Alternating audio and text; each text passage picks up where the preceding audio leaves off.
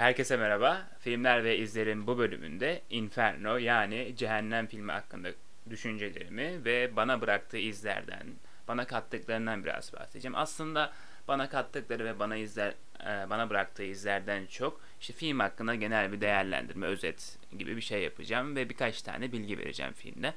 Öncelikle eğer spoiler sevmiyorsanız ya da filmi izledikten sonra e, dinlemenizi öneriyorum tabii ki de. Yok spoiler benim için olmuş olmamış önemli değil diyorsanız, sonuçtan çok süreç önemli diyorsanız o zaman hazırsanız başlıyoruz.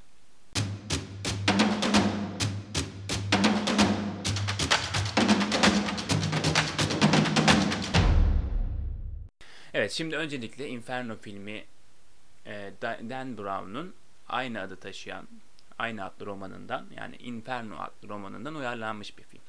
Filmin türü gizem ve dram olarak geçiyor internette. Ama işte içinde suç da var, macera da var, her şey var. E, bulabileceğiniz her şey. Film 2016 yılında yapılmış. Roman ise 2013 tarihinde kaleme alınmış yani yazılmış. Filmin yönetmeni Ren Howard, filmin başrolünde ise Dan Brown'un önceki romanlarından uyarlanmış filmlerde olduğu gibi e, Tom Hanks oynuyor. Tom Hanks'i e, beni tanıyanlar ne kadar sevdiğimi bilir. Çünkü Forrest Gump'ta oynadı. E, Forrest Gump benim en önemli filmlerinden ve benim hayatıma gerçekten etki bırakmış bir film. Ama bu film bugün burada bu filmi değil Inferno'yu konuşacağız. Inferno Cehennem filmini konuşacağız. Şimdi biraz daha detaylara gireceğiz ama öncesinde bu Tom Hanks'in olması işte beni ve bu filmi daha çok izlenebilir kılıyor. Çünkü bu serinin üçüncü filmi bu film ve daha önceki filmleri de izlediğim için ve filmlerde Tom Hanks yine başrolde olduğu için e, eğer izlemediyseniz Da Vinci'nin Şifresi ve Melekler ve Şeytanlar filmini de öneriyorum. E, onlardan sonra da izleyebilirsiniz. Bu filmi tek başına da izlesiniz. Hiçbir sıkıntı yok. Ama onlardan sonra izlerseniz daha keyifli olabilir. Çünkü e, ilk iki filmde daha etkili aslında. Yani Melekler ve Şeytanlar ve Da Vinci'nin Şifresi filmlerinde daha çok bulmaca ve suç yani bulmaca ve kafa yorma varken bu filmde biraz daha e, fazla yok yani biraz daha derken fazla o kadar bulmaca şey yok ama ilk iki filmde daha fazla bulmaca var e, diyebiliriz yani bulmaca şifreler var diyebiliriz. Şimdi biraz filmin e, detaylarına gireceğiz. E, film bana işte bugünleri hatırlatıyor. Bugün şu an mesela kaç bir sene mi oldu? Bir buçuk sene mi oldu? İşte koronavirüs var e, malum. E, filmde de e, bu özellikleriyle beni işte bu an bu zamanı hatırlatıyor. E, bir bilim adamımız var. Adı Bertrand Soblist. E, bu adam gerçekten zeki. E, YouTube ve yaptığı birçok sunumda, sunumlarda, panellerde yazdıklarıyla ya da e, konuşmalarıyla kitleleri peşinden sürükleyebilen bir adam. Oldukça fazla takipçisi ve işte e, dünya e, var ve dünyanın her yerinden bu takipçiler işte İstanbul'dan olsun, e, Amerika'dan olsun her yerden e, birçok takipçi. Yani Barış Özcan gibi demeyeyim. E, şimdi Barış Özcan'a laf olmasın. Yani onun gibi aslında. Yani iz, e, insanlara bilgiler veren YouTube'da ve güzel konuşmaları sağlayabilen e, bu işte panellerde konuşup insanları etkileyebilen bir adam.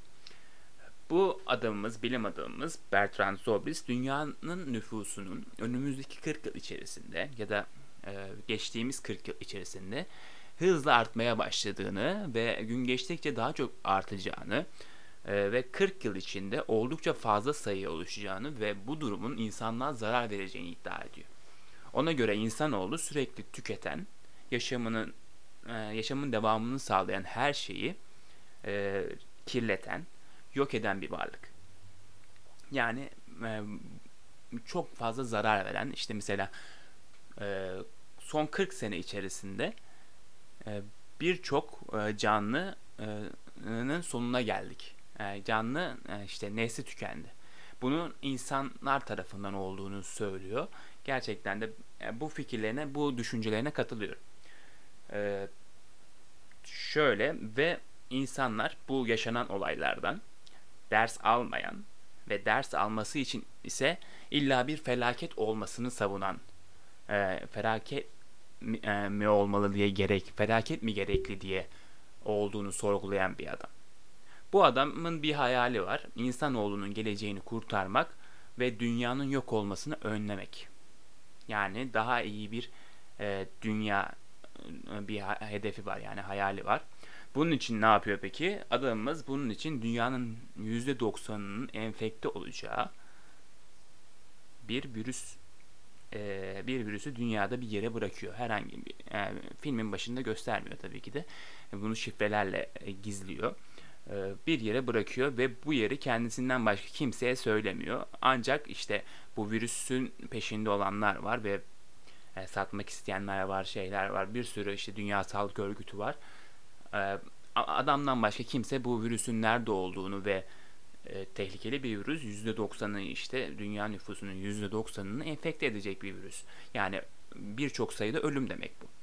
Ancak işte bu bıraktığı şifreler ve ipuçlarını bırakıyor ki başına bir şey gelirse yani çünkü virüsün peşinde olan birçok kişi var ve onu bulmaya çalışan da birçok adam var.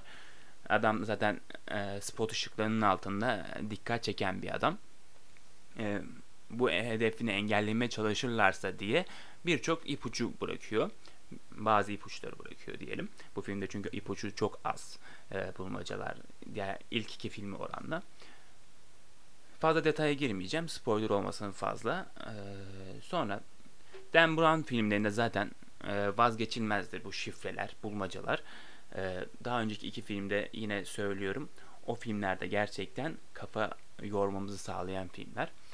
Ee, e, sonra şifreler ve bulmacalar çözüldükçe biz de filmin içine giriyoruz ve sanki yani şöyle bir hissiyat oluyor. Aa zekiyim ya ben diyorsunuz kendi kendinize. Aa çöze aa ben anladım bunu ya. Şimdi e, ben 2-3 kez izledim. Bunu ilerleyen zamanlarda söyleyeceğim birazdan. Yani ama her izlediğimde farklı bir etki bıraktı ve işte çünkü e, ilk izlediğimle son izlediğim zaman aynı değil.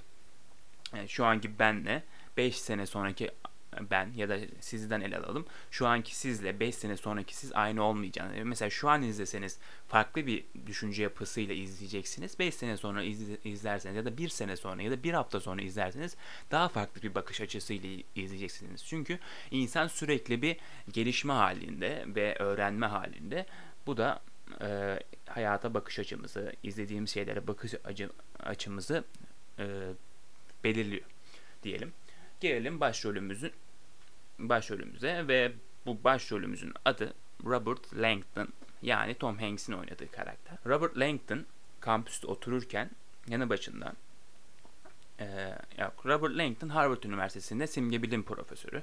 Simge bilim dediğimiz şey işte bu gizemleri çözen işte resimlerdeki olsun ya da tarihi eserlerdeki olsun simgeleri yani anlamlarını çözmeye çalışan bilim adamı.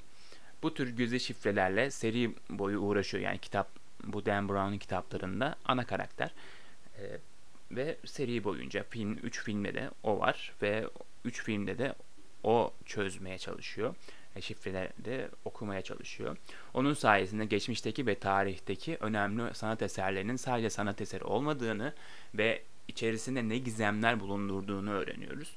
Robert Langdon e, kampüste otururken yanı başına Dünya Sağlık Örgütü'nde çalışan eski bir tanıdığı geliyor ve bir virüsün dünyanın bir yerine yerleştirildiğini ve şifrelerle yerinin saklandığını ve dolayısıyla kendisinin yardımına ihtiyaç duyulduğunu söylüyor. E, buraları hızlı geçeceğim şimdi. Sonra Langton tabii kabul ediyor çünkü eski bir tanıdığı ve sevdiği bir insan bunu istiyorsa tabii ki ta- e, kabul edecek. E, İtalya'ya geliyor. Tabi İtalya'da iki gün boyunca şifreleri çözmeye çalışırken Langton'ı kaçırıyorlar.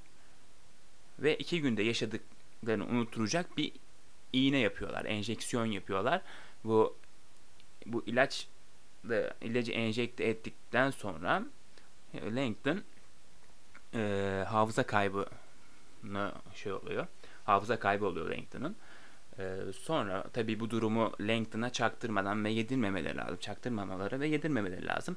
Hemen bir hastane ve yaralanma vakası olarak işte e, ateş edildi kafana o yüzden başını bir yere çarptın gibi bir takım senaryolar kuruluyor ve Langton'un kendilerine güveni sağlanıyor orada kaçırılan kaçıran kişiler tarafından ve birlikte e, şifreleri çözmeye koyuluyorlar bu Langton'la beraber.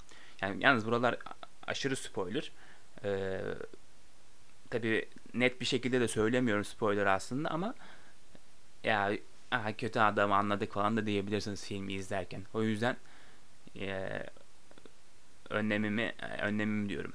E, şeyimi ikazımı keşke alsaydınız işte spoiler sevmeyenler. E, Langton kendilerine güveni sağlıyor. Sağlanıyor işte. Şifreyi çizme, çözmeye koyuluyorlar. Tabi bu arada kaçırılan Langton'ın peşinde de Dünya Sağlık Örgütü var. Onu bulmaları lazım çünkü yani dünyanın insan dünyadaki insanlığın sonu yani çoğu enfekte olacak ve sonu gelecek. Kara vebadan daha fazla kayıpla karşı karşıya kalacak insanoğlu. Ee, her neyse. Şimdi film genel olarak şifre çözme ve macera üzerine. Tabi suç da var içerisinde. Ee, kaçırılma da var. Bir sürü şey var işte. Ee, aşk da var. Ufak bir yerinde de olsa böyle özlem var. Güzel güzel. Yani bu filmde en çok karşılaşacağınız ve duyacağınız tarihi karakter ise Dante. Dante kimdir Dante? Hemen ondan da kısaca bahsedeceğim. Kara Veba zamanında İtalya'da yaşayan ve İlahi Komedi adlı eserin yazarı. Yani tabii birçok eseri var ama bizi ilahi komedi ilgilendiriyor. Çünkü bu filmde daha çok e, ilahi komedya e, geçiyor. İlahi komedya filminden bir karakter, e, bir e, olaylar geçiyor. Çünkü ilahi komedyanın içerisinde Cehennem adında bir bölüm var. Varmış daha doğrusu ben okumadım. Bertrand Zobrist de genel olarak şifreleri Dante üzerinden kurmuş ve bu kitaptan alıntılardan yola çıkmış.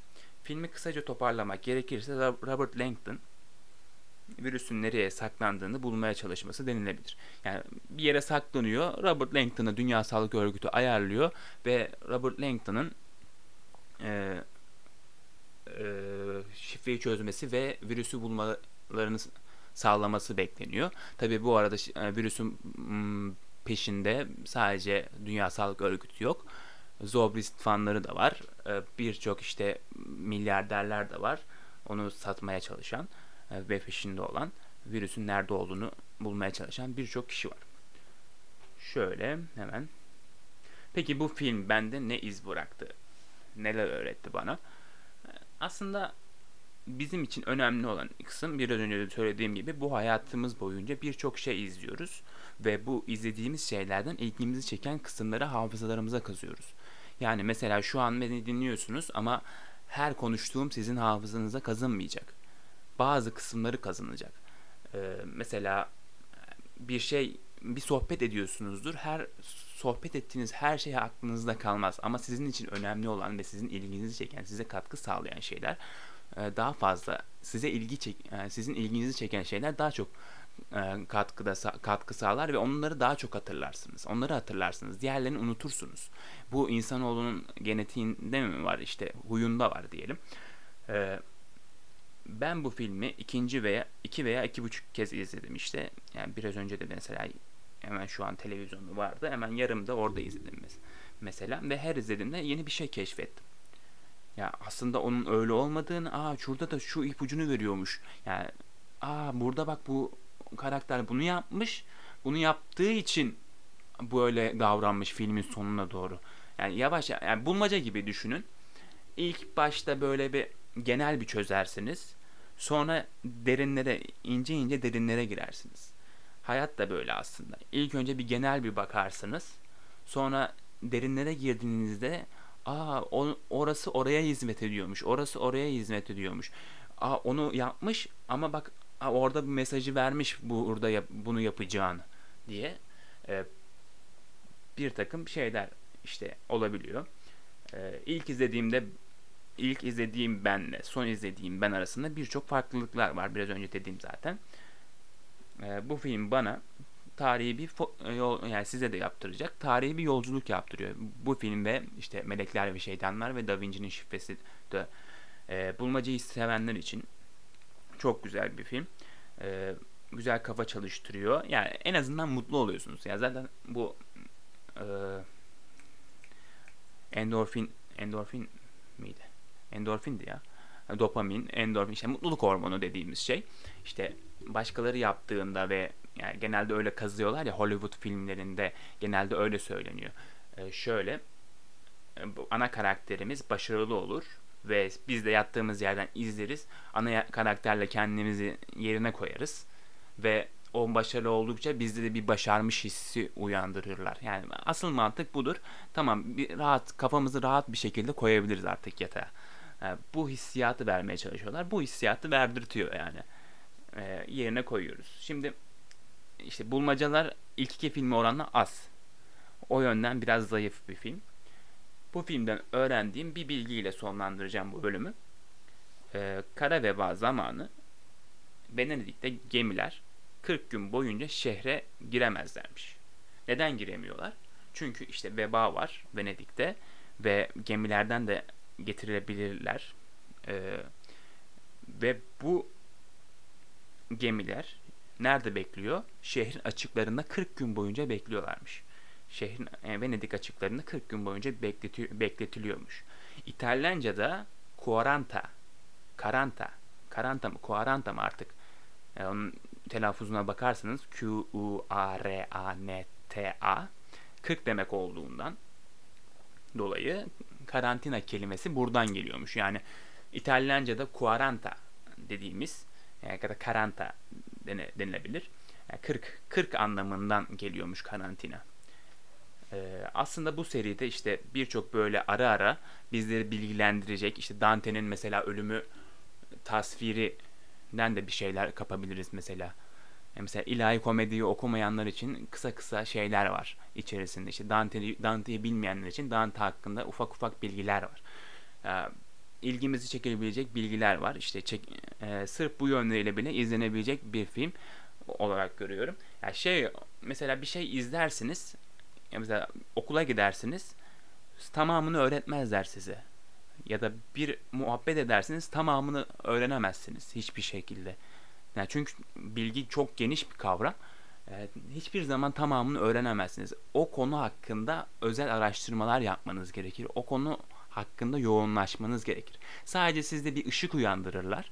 Mesela okullarda öyle oluyor. Ee, temeline bir giriş yaparsın. Biraz içerisine girersin ama tam anlamıyla öğren öğretmezler. Senin ilgi duyman gerekir. İlgi duyarsan o onu konu hakkında bir şeyler yaparsın ve o konu hakkında bilgilenirsin. O konu hakkında daha iyi olmak istersin. Son olarak filmde Bertrand Zorbis, Zobrist'in sevgilisine söylediği bir söz var. Serka etrova. Yani Türkçesi ara ve bul demek. Bu hayatta hepimiz bir şeyler arıyoruz. Kimimiz aşk, kimimiz cesaret, kimimiz bilgi. Arayıp da bulmak dileğiyle. Hoşçakalın.